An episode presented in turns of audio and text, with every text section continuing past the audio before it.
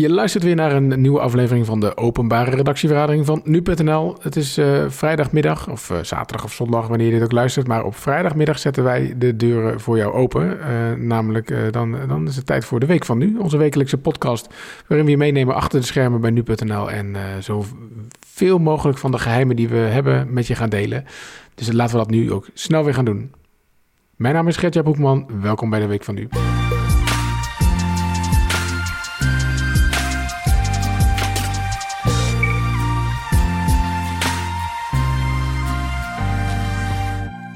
Ja, Julien. Um, ik begin trouwens elke podcast met volgens mij de zin... Ja, Julien. Is je dat ook opgevallen? Maar de... Als jij in herhaling wil vallen, Gert-Jaap... Uh, ik laat jou in, je, in, je, in jezelf zijn. Uh, ik laat je lekker. Ik weet even niet meer hoe we er nou vorige week bij zaten. Maar we, we zitten in ieder geval weer officieel allemaal allemaal Ja, vorige week zaten we met z'n allen in de keuken volgens mij. Avi zat in zijn keuken, jij zat in jouw keuken, ik zat in mijn keuken. En eh, als ik nu zo kijk, zijn we met z'n drieën, inclusief onze gast, verplaatst naar slaapkamers. Nee hoor, ik zit in de woonkamer. Maar, oh. uh, maar uh, dat, uh, ja, mijn woonkamer is ook een keuken. Maar, nee, maar vorige, wat ik eigenlijk wilde zeggen, Julien, is... Vorige week was het nog vrijwillig.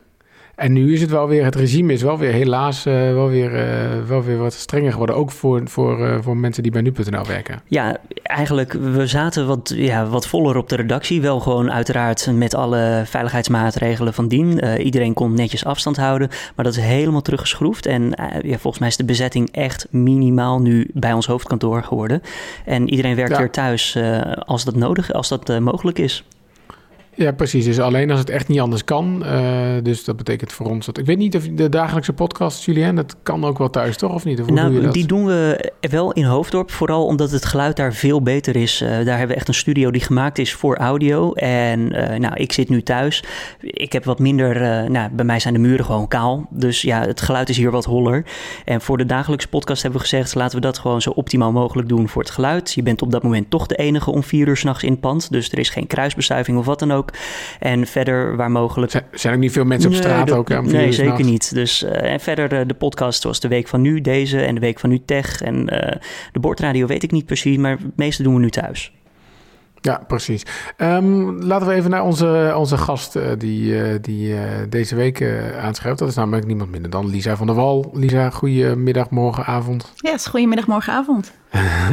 hoe, is dat, hoe is dat voor jou? Jij, jij, was natuurlijk, en daar gaan we het ook over hebben... jij was natuurlijk van de week in de rechtbank... om verslag te doen van de, van de Nicky Verstappen-zaak. Die is begonnen. Um, maar de rest van de week? Uh, hoe, maandag, dinsdag was ik dus in Maastricht. En uh, welke dag is het vandaag? Het is vrijdag vandaag. Woensdag, donderdag was ik gewoon... elke dag lijkt op elkaar. Uh, woensdag, donderdag gewoon weer vanuit huis. En hoe heb jij dit ervaren, die, die, die mededeling van mij? Of eigenlijk van Mark Rutte, maar ik mocht hem... ik mag hem dan doorvertalen naar de praktijk. Ja, het voelt een beetje alsof we weer terug bij af zijn omdat ik, ik ben de afgelopen maanden een paar keer op de redactie geweest gewoon om te werken. En nu voelt het, uh, nu dat gewoon natuurlijk niet meer de, de, de, echt een optie is, voelt dat weer alsof we beginnen aan een nieuwe maart, om het zo maar te zeggen. En dat, dat voelt wel een beetje een soort van teleurstelling en ook wel, ja, gewoon een beetje kut. Mm, ja, ja, mag je wel zeggen, geloof ik. Hoe vaak mag je eigenlijk schelden voordat je een eetje voor, de, voor gezet oh. wordt bij Spotify? Uh, goeie vraag, maar bij de boordradio hebben ze best een record neergezet. Dus we zijn er nog lang niet. Oké. Okay, okay, nou, maar goed dat jullie mij als gast dan in deze podcast hebben. we kunnen kijken of ja. we hem krijgen. Nee, nou, als ik persoonlijk moet kijken, dan, is het, dan wordt het pas echt um, kut om even jou uh, te, te parafraseren, Lisa, als de scholen ook. Uh, en met name dan de, de basisscholen dichtgaan. Want dan betekent gewoon weer echt weer terug naar overleven. Van hoe ga je in vredesnaam thuis lesgeven en uh, werken. Mm-hmm. uh, uh, dus wat dat betreft, maar inderdaad, ja, het is terug naar maart. Dus misschien moeten we ook wel eens even, even weer kijken of de online pubquizzen en zo weer van stal kunnen. Dat soort dingen, om het ook wel een beetje gezellig te houden, toch, van elkaar. Ja, ik weet nog, in het begin deed ook iedereen dat, um, hoe heet dat ook weer? Dat, die app die toen opeens heel populair oh, ja. werd. Hoe heet het ook alweer? House Party. House Party. Ja. En in het begin zag je echt iedereen deed het online, online, online komen. En nu is dat ook niet zeg maar zo. Hè? Maar Nou, misschien kunnen we daar nee, weer terug. eh, Maar naartoe de- terug. deze week is tot nu toe wel één grote déjà vu geweest voor mij hoor. Want nu je zegt house party. Maar ik had gisteren ook weer voor het eerst dat mijn, eh, laten we zeggen, de supermarkt waar ik mijn boodschappen doe. Dat die eh, de autootjes alweer vol hadden voor de komende dagen. Maar. Dat ik dacht, oh shit, we moeten toch eh, weer beter vooruit denken. Ja, dit is toch een klein beetje een déjà vu aan het worden van, eh, van, van maatregelen. Maar goed, laten we dan ook vooral goed voor elkaar blijven zorgen. En inderdaad house party weer eens eventjes, weer eens eventjes aan gaan zetten. Ja. Ehm, nou, waar, waar we het vandaag eh, over willen hebben, we hebben het eigenlijk net al gezegd. Hè, de- deze week begon in Maastricht de rechtszaak eh, eh, tegen Jos B. En dat gaat natuurlijk over de, de, de dood van Nicky Verstappen. En ehm, ja, jij, was op, jij was voor ons daar. dat was dus, wat zei je, maandag, dinsdag, woensdag. Nee, maandag, dinsdag alleen. Maandag, dinsdag, twee dagen. En dan, zeg maar, hoe, hoe ziet dat er een beetje uit, dat schema? Dan is het deze week twee dagen en dan volgende week weer of zo? Of kun je dat een beetje duiden? Ja, het is een beetje gatenkaas-schema. Eh, maandag, dinsdag waren inderdaad de eerste twee dagen, dus feitenbehandeling. Dan hebben we volgende week, zeg ik uit mijn hoofd, maandag, woensdag en donderdag. Met op donderdag de strafeis. En dan de week daarna, en dan leven we volgens mij alweer halverwege oktober, als ik dat goed zeg. ja. Is volgens mij nog één of, zijn volgens mij nog één of twee dagen. En dan zijn we aan het eind gekomen van de inhoudelijke behandeling. En jij noemt dat een gatenkaas. Is daar een re- reden voor waarom dat een gatenkaas is? Is dat gebruikelijk? Ik weet dat eigenlijk niet. Nee, ik denk dat dat iets te maken heeft met de planning en de, en de agenda's van iedereen die daar natuurlijk aanwezig moet zijn, van rechter tot advocaat tot OM. Ehm, maar normaal proberen ze alles wel in één week te doen, of in ieder geval in twee weken. Dus ik weet niet zo goed. Eh, ik, Ja, dat zal iets met planning te maken hebben gehad. En, en, en heeft corona nog eh, invloed op, di- op, op dit nu? Ja, nou maandag en dinsdag eh, konden wij natuurlijk niet in de rechtszaal zelf zitten, maar zaten wij in een videozaal met alle verslaggevers. Er waren meerdere videozalen, was heel goed geregeld, waarin we ook goed afstand konden houden en er waren ook van die spatschermen. Ehm, dus dat is een, natuurlijk een groot verschil. Want normaal zit je echt eh, soms op, eh, weet ik, de meter van de verdachte af. En nu moet je via een videoscherm moet je, nou ja, proberen emoties te zien op mensen hun gezichten.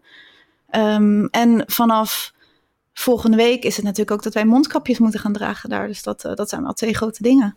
Ja, en je zegt, hè, we hebben eerder ook al eh, eh, Joris Peters, hè, onze rechtbankverslaggever, ook aan het woord gehad. En die vertelde ook al een beetje over hoe dat dan gaat met videoverbindingen en zo. Maar ik had het idee dat hij dat ook nog wel best wel vanuit thuis deed. Wat, wat was dan voor jou de reden, waarom ga je dan naar Maastricht toe om daar, daar te willen zijn? Nou, dat is ehm, omdat je natuurlijk bij zo'n grote rechtszaak heb je als, die, eh, als een deel van de zitting is afgelopen, dan gaan alle partijen komen naar buiten. En dan is het handig als je even iemand kan aanschieten. Dat je nog even een vraag Ja, kan stellen aan het OM of aan. Roethoff. Precies, de wandelgang eigenlijk. En eh, hier is dat nog t- tien keer zo groot, omdat ze hier ook buiten geven ze gewoon korte persconferenties steeds natuurlijk voor de, eh, de beeldenmakende pers is dat natuurlijk gewoon essentieel om dan op locatie te zijn. Ja, ja. En eh, ehm, wa- wa- was, het, ja, was het druk? Waren er veel journalisten? Heel veel. Ja, er waren twee videozalen vol. Eh, er was ons wel op het hart gedrukt dat we met maar één vertegenwoordiger per eh media-instantie mochten. Dus er mochten geen twee mensen van nu.nl daar naartoe. Hmm. Eh, dus dat, dat maakt het al iets eh, eh, overzichtelijker. Maar ja, ook eh, ehm, van lokale 1 Limburg tot landelijk NOS, AD. Kijk, iedereen zit er natuurlijk bovenop. Ja, ja, precies. En, je, en, je, en jij zit dan in een hotel volgens mij, toch? In die tijd? Ja, klopt. Omdat het natuurlijk vanuit waar ik woon is het super ver reizen. Dus je wil niet eh, op een station op Utrecht staan en dat de treinen niet meer gaan. Dus ik, eh, ik ga er elke keer op zondag heen. is gewoon een dag van tevoren. En dan slaap ik eh, een paar dagen in een hotel. Ja, precies. En dan volgende week doe je dat ook, maar er zit er dus nog wel weer een gekke dag tussen of zo. Ja, ik dacht ook van zal ik maandagavond teruggaan en dan dinsdag weer heen. Maar ik heb toch besloten om dat niet te doen. Dus ik heb nu een soort ja, hoteldagje. Ik vind ook wel, het eigenlijk misschien een beetje off-topic hoor, maar dat, dat door, je moet ook wel door, zeg maar, deze tijden, het is toch zo gek. eh, je hoeft, moet ook niet, als het niet nodig is, niet blijven hangen in je oude patronen. Hè? Dus ik, ik, ik was laatst ook een keer, toen, toen eh, was ik op weg naar de redactie of zo en toen moest ik iemand bellen. En toen, toen zag ik ineens het Amsterdamse bos liggen. dacht ik, nou weet je wat, ik ga gewoon hier uitstappen. Ik ga gewoon hier even wandelen en bellen. En dat kan natuurlijk ook. Dus je, je bedoel, je kunt prima, als je, als je anders naar huis zou gaan om dan thuis te gaan werken, ja, ga lekker daar werken. Mhm. En eh, zie nog wat van de stad of zo, weet ik veel. Maar goed. Ja, het is wel Ehm, heel gek moet ik zeggen hoor. Want we hadden natuurlijk eerst, voordat corona kwam, heb je natuurlijk zo'n beeld van dat je met, met al die journalisten daar die zittingen volgt en dan misschien s'avonds nog even een hapje kan gaan eten met z'n allen. Maar dat, dat is nu allemaal niet. Dus je gaat meteen naar die zitting. Ben ik gewoon weer teruggegaan naar het hotel en dan ga je eigenlijk een beetje in je eentje kijken van nou, wat ga ik avondeten? Uh, ja, het is best wel gek, want je, om, om dat zo in je, in je eentje allemaal te doen. En um, je zei, uh, je zit dan naar een videoverbinding te kijken en je gaf eerder aan van normaal zit je wel eens een meter van een verdachte af. Maakt dat dan jouw werk nog anders als je in zo'n aparte zaal zit? Ja, het maakt het wel moeilijker, omdat dat scherm is ook zo opgesteld dat wij naar de rug van uh, Jos B. kijken. Dus normaal kun je zeggen van, als je, ik ben ook aan het live bloggen natuurlijk, en dan kun je zeggen van, goh, hij, hij begint te friemelen met zijn handen of hij begint heel erg te zweten. Dan kun je wat meer de emotie overbrengen. Maar als je naar iemands rug zit te kijken, dan moet je heel goed opletten om bepaalde gedragsveranderingen op te merken. Dus uh, ja, dat maakt het wel een stuk moeilijker. En, en, kun je, want kun je, oh, je kunt ook niet alles zien dan, denk ik, toch? Van wat je normaal kunt zien als je in die zaal zit. Nee, ook niet. Want wij zien dus nu bijvoorbeeld ook niet uh, de namenstaande van Nicky zitten die kunnen wij niet zien. Dus wij zien, ja, op een gegeven moment zag ik wel, uh, er is natuurlijk een camera van RTL, die verzorgt die pool dan, dus die staat in, uh, in die rechtszaal. En, uh, pool moet je even uitleggen, denk ik. Oh, ja, sorry. uh, ja, er is altijd vanuit uh, de media is er één iemand die doet dan een soort van poolregeling. Dus die maakt dan de beelden in de rechtszaal. En die verzendt ze naar iedereen die die beelden ook graag wil hebben. Dus een NMS kan dan afnemen van RTL bijvoorbeeld. Dus die beelden die, jij, die mensen bij ons kunnen zien, die hebben wij niet uh, zelf gemaakt. Die hebben wij nee, overgenomen van iemand die heeft gefilmd. Ja, om te voorkomen dat er gewoon heel veel camera's gaan ja. staan die in feite hetzelfde doen. Precies, dat moet je niet willen. Uh, dus, uh, dus die camera die filmt die nabestaanden wel. En zo kon ik dus wel emotie later terugkijken. Toen Jos B. met zijn verklaring kwam, uh, zaten ze een beetje met de hoofd schudden en een beetje zo te kijken van nou, wat is dit? Maar dat zagen wij niet op het moment dat die verklaring getoond werd. Want wij kunnen nee. ze niet zien zitten. Dus dat, ja, dat, dat neemt wel iets weg van uh, hoe, hoe je zo'n zaak beleeft. Je zou ook kunnen zeggen, dan geeft het een iets neutraler uh, beeld misschien van die zaak, omdat je niet afgeleid kan worden door die emoties, toch?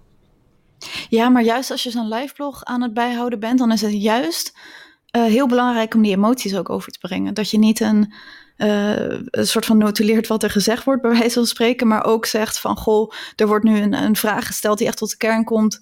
Uh, hij begint te draaien op zijn stoel en we zien hem opeens knijpen met zijn ogen, weet je wel. Dat soort, dat soort dingen wil je juist aan mensen overbrengen.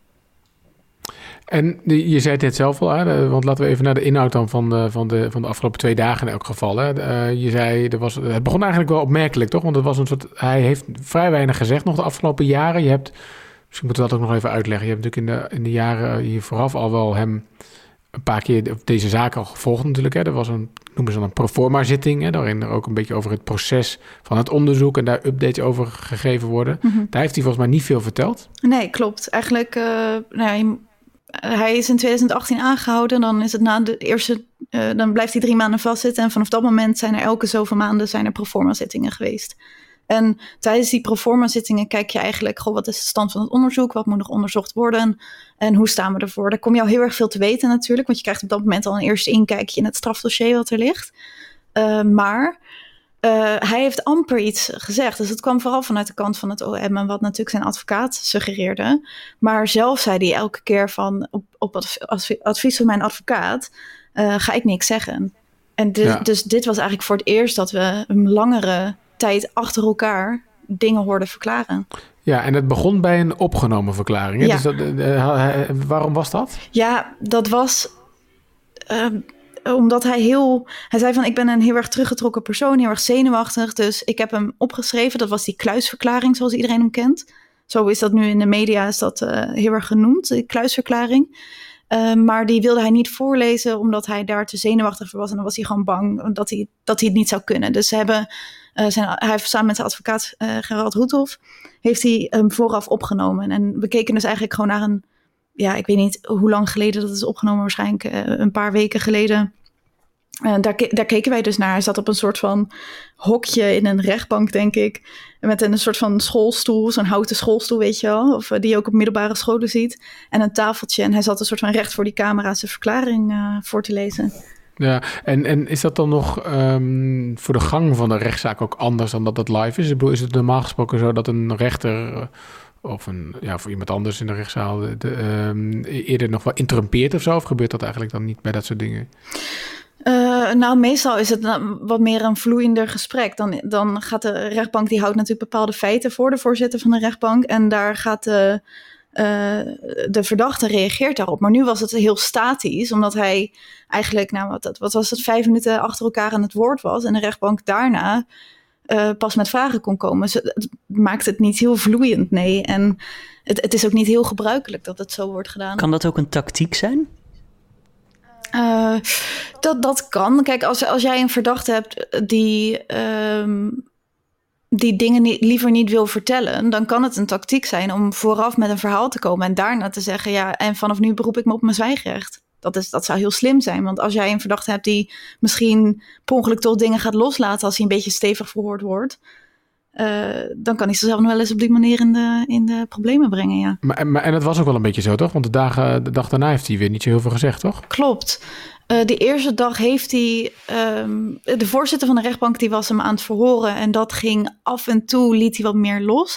op een gegeven moment een van de vrouwelijke rechters... die uh, maakte echt meters. Die maakte hem echt heel loslippig. Dus dat... Uh, ja, dat was heel boeiend om daarnaar te luisteren. En eigenlijk de dag je, daarna... Je zegt vrouwelijke rechter, maakt dat dan oh nee, dat, was voor mij gewoon een manier om aan te duiden welke van de, van de drie het okay. waren. Okay, okay, ik weet niet of dat nou, of dat nou kwam omdat, omdat haar verhoortechniek gewoon heel, uh, heel goed was. Of omdat ze een vrouw was, maar, dat denk ik. Dat laatste denk ik niet. Maar, maar hoe, hoe, hoe, hoe was die, die techniek dan anders? Kan je, dat, kan je daar iets over zeggen? Ja, het was heel slim gedaan. Want het was een soort manier van: ik, ik stel jou een vraag en jij wil geen antwoord geven. En dan stel ik die vraag ongeveer twee vragen later op een net iets andere manier. En dan gaf hij daar weer antwoord op, waardoor ze een soort van weer kon doorpakken, daarop weer twee vragen laten. Hij had zelf niet door dat hij antwoord aan het geven was op vragen waar hij eerst geen antwoord op wilde geven. Gewoon een uitstekende journalist ja, eigenlijk. Nou, die, inderdaad. Uh... Misschien wil ze solliciteren, maar ja, ja, het, het, was heel boeiend hoe ze dat deed. Heel slim. En, en, en, en, die, die verklaring, hè, die, die Jos gaf, kan je, kan je misschien voor de mensen die dat nog niet, als je dit luistert en je hebt het niet helemaal gevolgd, wat, wat was zijn verklaring? Ja, hij zei eigenlijk, de afgelopen, laat ik, beginnen bij het begin. De afgelopen twee jaar is hem steeds voorgehouden. Uh, jouw DNA zit op het ondergoed en het lichaam van een kind dat is overleden. Hoe komt dat daarop? Uh, zelfs een van de rechters heeft gezegd: als jij nu verklaart en die verklaring is plausibel, dan kan het zijn dat, we, dat jij uit voorlopige hechtenis mag. Dat, jij hebt de sleutel van jouw celdeur zelf in de hand. Uh, dus in die videoverklaring heeft hij gezegd hoe zijn DNA op Nicky terecht is gekomen. En dat is volgens hem dat hij die ochtend was gaan fietsen. Hij wist niet meer of dat maandag of dinsdag was. Um, hij was in ieder geval gaan fietsen. Hij moest plassen. Hij stond tegen een boom te plassen. En toen zag hij iets in de verte dat zijn aandacht trok. Toen is hij gaan kijken. En toen heeft hij het lichaam van Nicky gevonden. Uh, hij heeft gecontroleerd of hij nog ademhaalde. Dat deed hij niet. En toen zei hij, ik wist dat ik niks meer van hem, voor hem kon doen. Dus ik heb zijn kleding wat gefatsoeneerd. Dus ik heb de blaadjes van zijn broek afgeveegd en ik heb zijn broek wat rechtgetrokken. En omdat hij bang was dat hij verdacht zou gaan worden van betrokkenheid, omdat hij eerder uh, met zedendelicten in verband is gebracht, uh, heeft hij besloten om het niet aan te geven bij de politie en weg te gaan daar. Dat is zijn verklaring geweest. En hoe is daarop gereageerd, op die verklaring? Nou, ja, kijk, ja, het, het is het is een verklaring. We weten niet, en dat maakt dit proces ook zo lastig. Um, we weten nu nog niet heel veel over uh, die, DNA-sporen die zijn gevonden. Kijk, we weten dat dat op meer dan twintig plekken is geweest. En we weten ook dat het komt door intensief langdurig contact. Dus het is niet zo dat ik, uh, weet ik het, met mijn schouder tegen jou aanbod, Gertjaap. En dat, dat dat dan dezelfde soort DNA-overdracht geeft als dat hier is gebeurd. Maar um, ja, we weten niet wat, wat precies onder langdurig. Of, of hij inderdaad zoveel DNA over heeft kunnen brengen door aan zijn broek te hebben gefrommeld. Dat weten we niet. Dus nee. ja, dat is heel moeilijk om dat te zeggen. En natuurlijk zeggen de nabestaanden van, van Nicky, die hebben gezegd dat ze het volledig ongeloofwaardig vinden. Uh, dat heeft uh, hun, uh, hun woordvoerder Peter R. de Vries. Ja, die heeft zich natuurlijk de afgelopen jaren heel erg ingezet voor, voor hen als, als nabestaanden. Die heeft gewoon gezegd van, dat het totaal ongeloofwaardig is. En dat hij gewoon een soort van verhaal heeft om hem zo min mogelijk schuld toe bedelen. Maar wat wel verklaart, wat, wat zijn aanwezigheid van zijn DNA wel verklaart. je kan natuurlijk ook wel invullen dat het OM hier totaal niet in gelooft. Nee, aan de andere kant, hè, het, is natuurlijk, uh, we hebben dan zijn woord en we hebben dan de reactie van de familie. we hebben dat DNA-spoor, maar inderdaad, ja, ik geloof dat het wel nog interessant is om ja, toch wel in dit geval te vermelden dat het, dat, dat niet om, om sperma of zoiets gaat. Hè? Mhm. dus Um, maar wel, wel inderdaad, nou ja, goed. Het, is wel een spoor. Ja. Um, maar de, hier vooraf was natuurlijk altijd wel een beetje het gesprek van... ja, maar is het nou... Is, heeft het OM nou genoeg hè, om, om tot een veroordeling uh, te kunnen... om tot een veroordeling te kunnen laten komen? En um, ja, dan komt nu een verklaring. Uh, ja, ik, ik ben wel benieuwd of jij dan als journalist nog beetje kunt proeven al, misschien is dat nog te vroeg hoor in de zitting, maar of dat, eh, hoe, hoe, hoe, hoe het OM er dan in staat. Van, eh, of, of, de, of de rechter eigenlijk in dit geval ook. Van, is, het, is het nou overtuigend of niet? Of, ja, eh, ja, Het, is super, het is echt super moeilijk. deze zaak is echt, we hebben, nou ja, dat DNA dat is gevonden. maar dat, is, dat hoeft niet per se een daderspoor te zijn. Want je zei het net zelf al, het is geen sperma geweest, het is ook geen bloed. Ehm, het is uh, speeksel waarschijnlijk. Uh, en, uh, en het zijn huidschilfers. Dus dat wijst op, op aanraking, maar niet. Dat zegt niet per se zedendelict. En je zou denken dat als een, een elfjarig jongetje. Kijk, ze hebben letsel gevonden. maar je zou ook zeggen dat als Jos B. dat letsel heeft veroorzaakt, dat zijn DNA ook rond zijn billen zou zitten. Want daar was het letsel? Sorry? Daar was het letsel? Ja, het letsel was tussen zijn billen. Dus dan zou je zeggen dat als het om een zedendelict gaat, dat zijn DNA ook daar is gevonden. En het, deze zaak maakt zo moeilijk dat niet eens zeker is of hij is misbruikt. Er zijn een paar onderzoekers die zijn daar heel stellig in geweest. Uh, dat het letsel alleen veroorzaakt kan zijn door penetratie. Uh, maar anderen zeggen, ja, het kan ook veroorzaakt zijn doordat hij zich bijvoorbeeld te hard heeft afgeveegd. Is dat dan um, mede zo gekomen omdat bewijs destijds niet goed is uh, verzekerd? Of... Nee, nee, dat, dat niet per se, maar...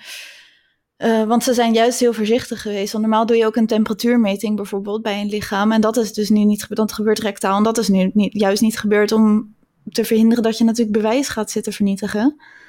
Um, maar het letsel is niet zodanig overtuigend dat met 100% zekerheid gezegd kan worden dat hij is misbruikt. En hetzelfde is met de doodsoorzaak ze hebben niet uh, een, een dood. Kijk, ja, ik ga het even heel luguber zeggen. Maar als iemand met, met meerdere messteken wordt gevonden. dan uh, is vrij duidelijk dat dat de doodsoorzaak is. Maar dat is bij Nicky niet het geval geweest. Uh, kijk, er kunnen natuurlijk heel veel dingen worden uitgesloten. Hij was een heel gezond elfjarig jongetje. Het was niet super. Het was niet aan het vriezen die avond. Dus het kon ook niet door onderkoeling zijn gebeurd. dat soort dingen kunnen ze wel uitsluiten. Maar ze hebben geen duidelijke doodsoorzaak. Omdat hij geen uh, duidelijk verwurgingsletsel had. En ook, ook, hier weer, er is bijvoorbeeld een schaduw te zien op zijn lichaam.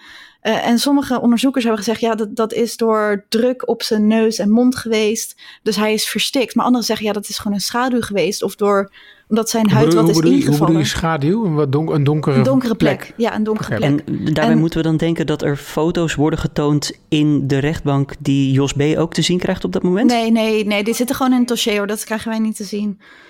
Um, maar goed, dus ja, sommige onderzoekers zijn heel stellig van ja, dat, dat duidt op verstikking, van dat zijn neus en mond zijn dichtgeknepen. En anderen zeggen nee, dat is een schaduw, omdat het lichaam op een gegeven moment wat invalt en dat veroorzaakt een schaduw.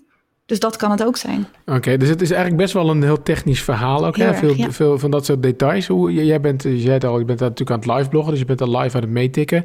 Hoe um, uh, ga jij om met dat soort details? En ik bedoel niet terughoudende, want daar hebben we het, het al eens keer met jou over gehad. Maar mhm. meer gewoon van, snap jij alles wat er gezegd wordt? Het grootste gedeelte wel. Um, dat komt ook omdat de rechtbank ook wel en het OM ook probeert het toegankelijk te houden voor de meeste mensen. Als ze echt met technische termen gaan strooien, dan ben je mij ook kwijt. Uh, Maar uh, ik zou zeggen 99% van de, van de dingen die snap ik wel. Ja, maar ehm, bijvoorbeeld een, een, een stukje uit je, uit je eigen liveblog, volgens mij, dat gaat het over het enzym amylase. en, en, dan zeg jij erbij van dat uh, daar begint de vertering van je eten. Als een stuk brood heel lang in je mond ja. houdt, wordt het zoet. en, dan, en, en, dat komt door dat enzym. Maar ja. bedoel, heb je dat gegoogeld dan? Nee, Lisa, nee ik heb een minor voor die identiek gedaan. Dus die wist ik. Oh, ja. dus ik weet heel veel van die, van die biologische termen. Dus bij amylase, toen ze dat zeiden, wist ik meteen, oh, dat, dat zit in je mond. Oh, wauw. Dus, Kijk eens aan. Dus gelukkig, nou. ja. Ja, kijk, dus, dus blijkt eens te meer dat de, dat de studie journalistiek, daar heb je niet per se wat aan. Maar nee, uh, meer de dingen die je eromheen hebt gedaan. Ja, ja nou, dus in die zin wist ik dat ook wel uit te leggen. En, en dan, dat scheelt ook, want dan ben ik al bezig met, oké, hoe ga ik dit voor iedereen goed uit kunnen leggen? En dat is door het gewoon op een hele simpele manier te zeggen, dat is een, een enzym in je mond die, ja. die begint natuurlijk met afbreken van wat er in je, in je mond komt. Ja, heel goed. Oké, volgende week de zondag eh, ga je weer naar, naar Maastricht. En dan uh, kunnen we denk ik wel weer verder gaan volgen eh, wat er, hoe het vervolg gaat. Nog, nog um, ja, wat zeg je nou, één of twee weken duurt deze zitting en dan is het uiteraard wachten op de uitspraak, toch? Dat is een beetje de planning. Ja, belangrijke dagen worden nog 8 oktober, dan is de, de strafeis. Dan krijgen we daarna natuurlijk het verhaal van Roethof. Uh, 16 oktober laatste zittingsdag en ik denk dat ongeveer een maand daarna uitspraak volgt. Ja, goed. We gaan het volgen. Lisa, hartstikke bedankt voor je verhaal. Yes.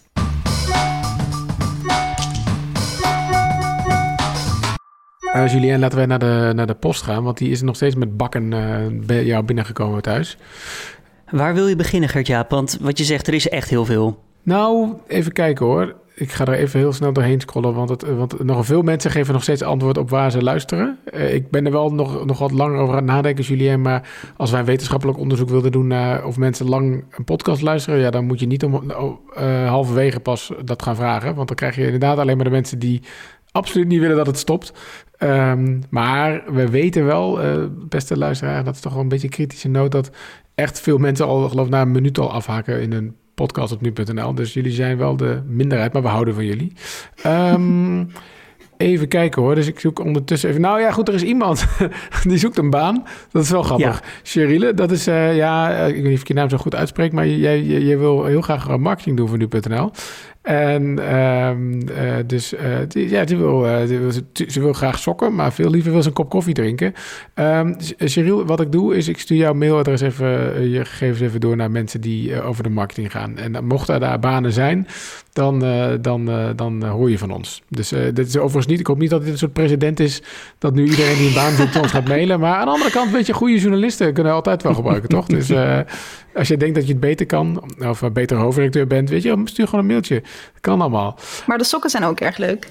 Sokken zijn ook erg leuk, inderdaad, absoluut. Um, je mag even kijken hoor. Uh, ik, nou, ik zoek eventjes één vraag. Ja, Philippe had een mooie vraag. Philippe van Alphen, die vroeg zich af. Um, uh, uh, dat we een tijdje terug hebben, het leek het alsof wij een onderscheid maakten tussen een verslaggever en een redacteur. Is daar een vakhoudelijk, inhoudelijk verschil tussen? Want het lijkt me wel leuk om dat uitgelegd te krijgen, Philippe. Nou, dat is er wel. En ik denk dat het, dat het een beetje in die zin is. Kijk, het zijn allebei natuurlijk, we zijn allemaal journalisten uiteindelijk. Um, verslaggevers zijn mensen die die van de, ja, het zit al een beetje in het woord natuurlijk, die vooral verslag doen. Um, uh, dat betekent dan in de letterlijke zin dat je ergens naartoe gaat. Hè, dus, uh, dus in dit geval, Lisa ging naar de rechtbank, dus dan ben je op dat moment bij een verslaggever. Aan de andere kant is het ook wel zo dat een redacteur, in ieder geval bij nu.nl, typisch ben je een redacteur als je vooral veel. Um, um, ja, hoe noem je dat, um, uh, op kantoor werkt. Dat klinkt een beetje raar, want dat doen we nu niet. Maar ook, um, uh, ik denk dat het verschil ook wel is, maar, maar, ik ben ook wel benieuwd hoe jij dat ziet, Lisa, maar dat de verslaggever wel meer met zijn eigen verhalen bezig is, met zijn eigen nieuws. Dus het hoeft niet per se op locatie te zijn hoor, maar gewoon veel eigen nieuws maken, eigen onderzoeken doen.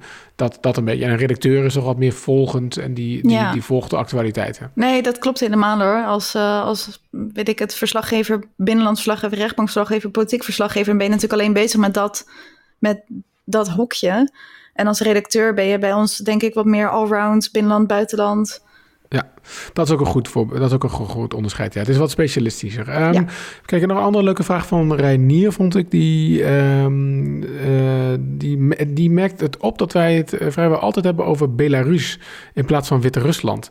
Um, hij zegt zelf, heb ik altijd geleerd dat Belarus de Engelse naam is... en wij het in dit land altijd Wit-Rusland noemen. Uh, dat, uh, dat, doen andere media overigens ook. Hierbij dus de vraag, waarom doen jullie dit? Ik had hem eventjes um, gemaild, uh, Gert-Jaap, met het antwoord. En nou, om het kort samen te vatten... we noemden het altijd Wit-Rusland inderdaad. In 1991, sinds de onafhankelijkheid van de Sovjet-Unie... werd het land officieel de Republiek Belarus... Um, in officiële teksten wordt die benaming ook gewoon gebruikt. En het doet ook meer recht aan hoe de bevolking uh, zichzelf in het land noemt. En ja, dat hebben we nu overgenomen eigenlijk. Dus we houden ons nu aan ja. datgene wat het eigenlijk altijd al was. Precies, Renier. Want ik dacht eigenlijk ook wat jij dacht, hoor. Uh, zeker als je, zeg maar, nou, voetbal op een of andere manier... Nederland speelt nog alles in kwalificatietoernooi tegen Wit-Rusland. En dan zie je ook altijd staan uh, Bel. Dus dacht ik ook altijd, hè. Maar um, een paar weken geleden, en volgens mij, als ik eerlijk moet zijn... kwam het door een artikel in de Volkskrant... waar die als eerste, want je zegt andere media gebruiken Wit-Rusland. Nou, misschien valt het je op dat langzaam dat verandert, hoor. Dat er steeds meer media zijn die het over Belarus hebben. Um, en dat heeft ook natuurlijk alles wel te maken met de laatste verkiezingen en de protesten die er daarna zijn gekomen. En um, als ik het nog goed, maar misschien moet je me verbeteren, uh, Julien, als ik het niet goed zeg hoor, maar Belarus. Um, letterlijk is Bela volgens mij wit en Rus, dan eh, zou je kunnen denken, is dat dan Wit-Rusland? Is dat gewoon een vertaling? Maar dat is, dat is het niet, want die Rus uh, in, in het woord Belarus slaat niet op het land Rusland, maar op een, op een gebied wat ook zo heet, zeg maar. En het gaat natuurlijk heel erg in dit geval over de, nou ja, de afhankelijkheid of, of onafhankelijkheid van Rusland. Dus vandaar dat de term Wit-Rusland wat, wat beladener is dan, dan, dan en politieker is dan, dan Belarus. Even los van het feit dat het inderdaad ook bij de VN en de, de EU en zo, als, ook als zodanig wordt genoemd. Dus, dus dat volgen wij, uh, Renier. Maar je had, uh, je had ook al gewoon de luxe gehad dat Julien je gewoon zelf antwoord geeft. Dat kan dus ook Ja, en Renier heeft toen ook weer teruggeantwoord. Hij zegt van, um, gezien dat antwoord ga ik nu misschien ook wel vaker dat woordje Belarus gebruiken. Al was het maar voor mijn eigen algemene kennis die zojuist is uitgebreid. Dus. Nou, hoppatee, Bille. Heb je weer iemand wijzer gemaakt. Even kijken, Maarten stelt ook wel een leuke vraag. Want um, dat wij uh, dat, er, dat er, hij op dat laatste paar keer de innovaties in de week van nu voorbij komen. Hè. We hebben natuurlijk vorige week, hield, maakte ik dat geintje met die robotstem. Overigens, daarna was een beetje slecht getimed voor mij, uh, Julien, dat geintje. Want vervolgens doen we een week niks met die robotstem. Uh, maar volgende week, vanaf, volgende week is hij er weer. Dus uh, mocht je nou daar uh, echt interesse in hebben, mail ook even naar podcast.nu.nl als je nu kunt vinden. Want we zoeken nog steeds mensen die ook nou ja, dat, dat, dat audiobulletin beluisteren en ons vertellen wat ze, er, wat ze ervan vinden. maar de, hij, hij, stelt een hele kleine vraag hoor, Maarten. Want hoe, hij vraagt af hoe jullie denken dat de journalistiek verder gaat veranderen de komende jaren. Lisa, vertel maar. Ons alwezend... In, in twee minuten, kom op. Uh, Het is moeilijk, hè? Alsof ik een examen aan doe. Ja. ja. Geen spontaan te weten. Um, uh, ik, ik, denk, ja, de, als ik eerst de negatieve kant ga belichten en dan daarna de positieve kant, doe ik hem als een, als een hamburgertje. Um, ik denk dat, dat de journalistiek het wat zwaarder gaat krijgen natuurlijk door de uh, economische gevolgen van de coronacrisis. Gaan onze advertentieinkomsten natuurlijk voor heel de mediawereld uh, staan wat onder druk. Um, maar ik denk wel dat iedereen heel erg bezig is met uh, innovatie. En goh, hoe maak ik mijn nieuwsmerk nog vetter en nog spannender? En goh, ik, want iedereen heeft de basis onder de knie. En wat kun je daar buiten nog meer gaan doen? Ik denk ook dat iedereen heel erg bezig is met nieuws toegankelijk maken voor iedereen. Ja, ja dat denk ik ook. Ja, en ik denk wel, ik ben best positief hoor. Want volgens mij is, wordt er echt op hoog niveau journalistiek uh, bedreven in Nederland. Maar het is wel wat je zegt, ja. De, de, de advertentiemarkt staat onder druk. En, en mensen willen, nou ja, goed, willen mensen nou wel of niet betalen. Maar ik geloof dat het wel goed gaat met de online advertentie, of de abonnees ook hoor. Dus in die zin is het goed. Soms denk ik nog wel, je ziet bijvoorbeeld, uh, uh, Maarten, ook veel internationale samenwerkingen tussen redacties. Dat was uh, vorige week ook even weer rond dat nieuws rond ING en zo. Dat je toch echt veel redacties op verschillende plekken met elkaar ziet samenwerken. Ik denk dat je daar nog meer van zult gaan zien. Um, en dat je ook wel nog meer gaat zien dat, dat, dat, dat ja, titels um, uh, nog wat meer gaan specialiseren op waar ze echt goed in zijn. dat, um, uh, om ook gewoon uh, ja, zeg maar beter te kunnen concurreren zo. Dus wij zijn bijvoorbeeld supergoed in, vinden we zelf, brengen van het laatste nieuws. Nou, we willen daarnaast nog honderdduizend andere dingen ook doen. Maar eigenlijk, als je diep in ons hart kijkt, willen we heel graag het nieuws ook uitleggen. Eigenlijk wat, uh, wat uh, uh, Julien net één op één heeft gedaan met Renier, dat willen wij eigenlijk op een, op een hoger niveau ook met iedereen gaan doen. En dan zeggen we, nou, daar gaan we dus op focussen. Daar willen we beter in worden. Dus ik, ik ben altijd, er is, ja, er is ook heel veel concurrentie. En ik denk dat het ons dat ook allemaal wel weer beter maakt. Aanvullende vraag voor jullie. de verdeeldheid die momenteel ja, er is wereldwijd over fake news versus the real news. Denken jullie dat dit de journalistiek een goede kant, uh, een, een zet in de rug geeft? Nou, vind ik wel moeilijk, want aan de ene kant geeft het ons meer bestaansrecht. Dus ik, uh, ook het factchecken, waar we het ook al vaker over gehad hebben, is eigenlijk nog, nog belangrijker dan ooit. Hè? Ook bij ons komen natuurlijk weer verkiezingen en is er, is er heel veel behoefte aan. Nou, vorige week hadden we Shannon in de uitzending hier hè, um, over juiste informatie, belangrijker dan ooit. Aan de andere kant zie je ook wel dat steeds meer, of steeds meer, maar er gewoon groeiende groep mensen is die ook echt in hun dat er eigen sites ontstaan voor mensen met hun eigen waarheid. En dat vind ik dan wel weer een ingewikkelder uh, een punt. Want de vraag is, hoe ver bereiken wij dan nog iedereen? Hè? Kunnen we iedereen nog bereiken? Ja. ja, ik snap wel inderdaad dat, dat, dat opeens dat bij sommige mensen het idee is dat, dat waarheid maar mening is. En dat, dat is niet zo. Nee, precies. En, maar wat je zegt inderdaad, dat maakt factcheckers alleen maar belangrijker. Ja, en nog één vraag tot slot. Uh, en de rest schuiven we lekker weer door naar volgende week. Uh, Julien, ik, nog een vraagje van, van Bert van Beek. die zei de, in de Dit Wordt Nieuws podcast van afgelopen dinsdag... begonnen jullie met een fragment van de persconferentie van Rutte... en daar stond een dramatisch muziekje onder. Nou, hoewel hij het ergens wel statig vond klinken... vroeg ik mij af of het verstandig is om een neutraal fragment op deze manier in te kleuren. Net zoals jullie foto's ook niet photoshoppen om een bepaald effect te krijgen. Nou, Bert... Precies dat dacht ik ook toen ik luisterde.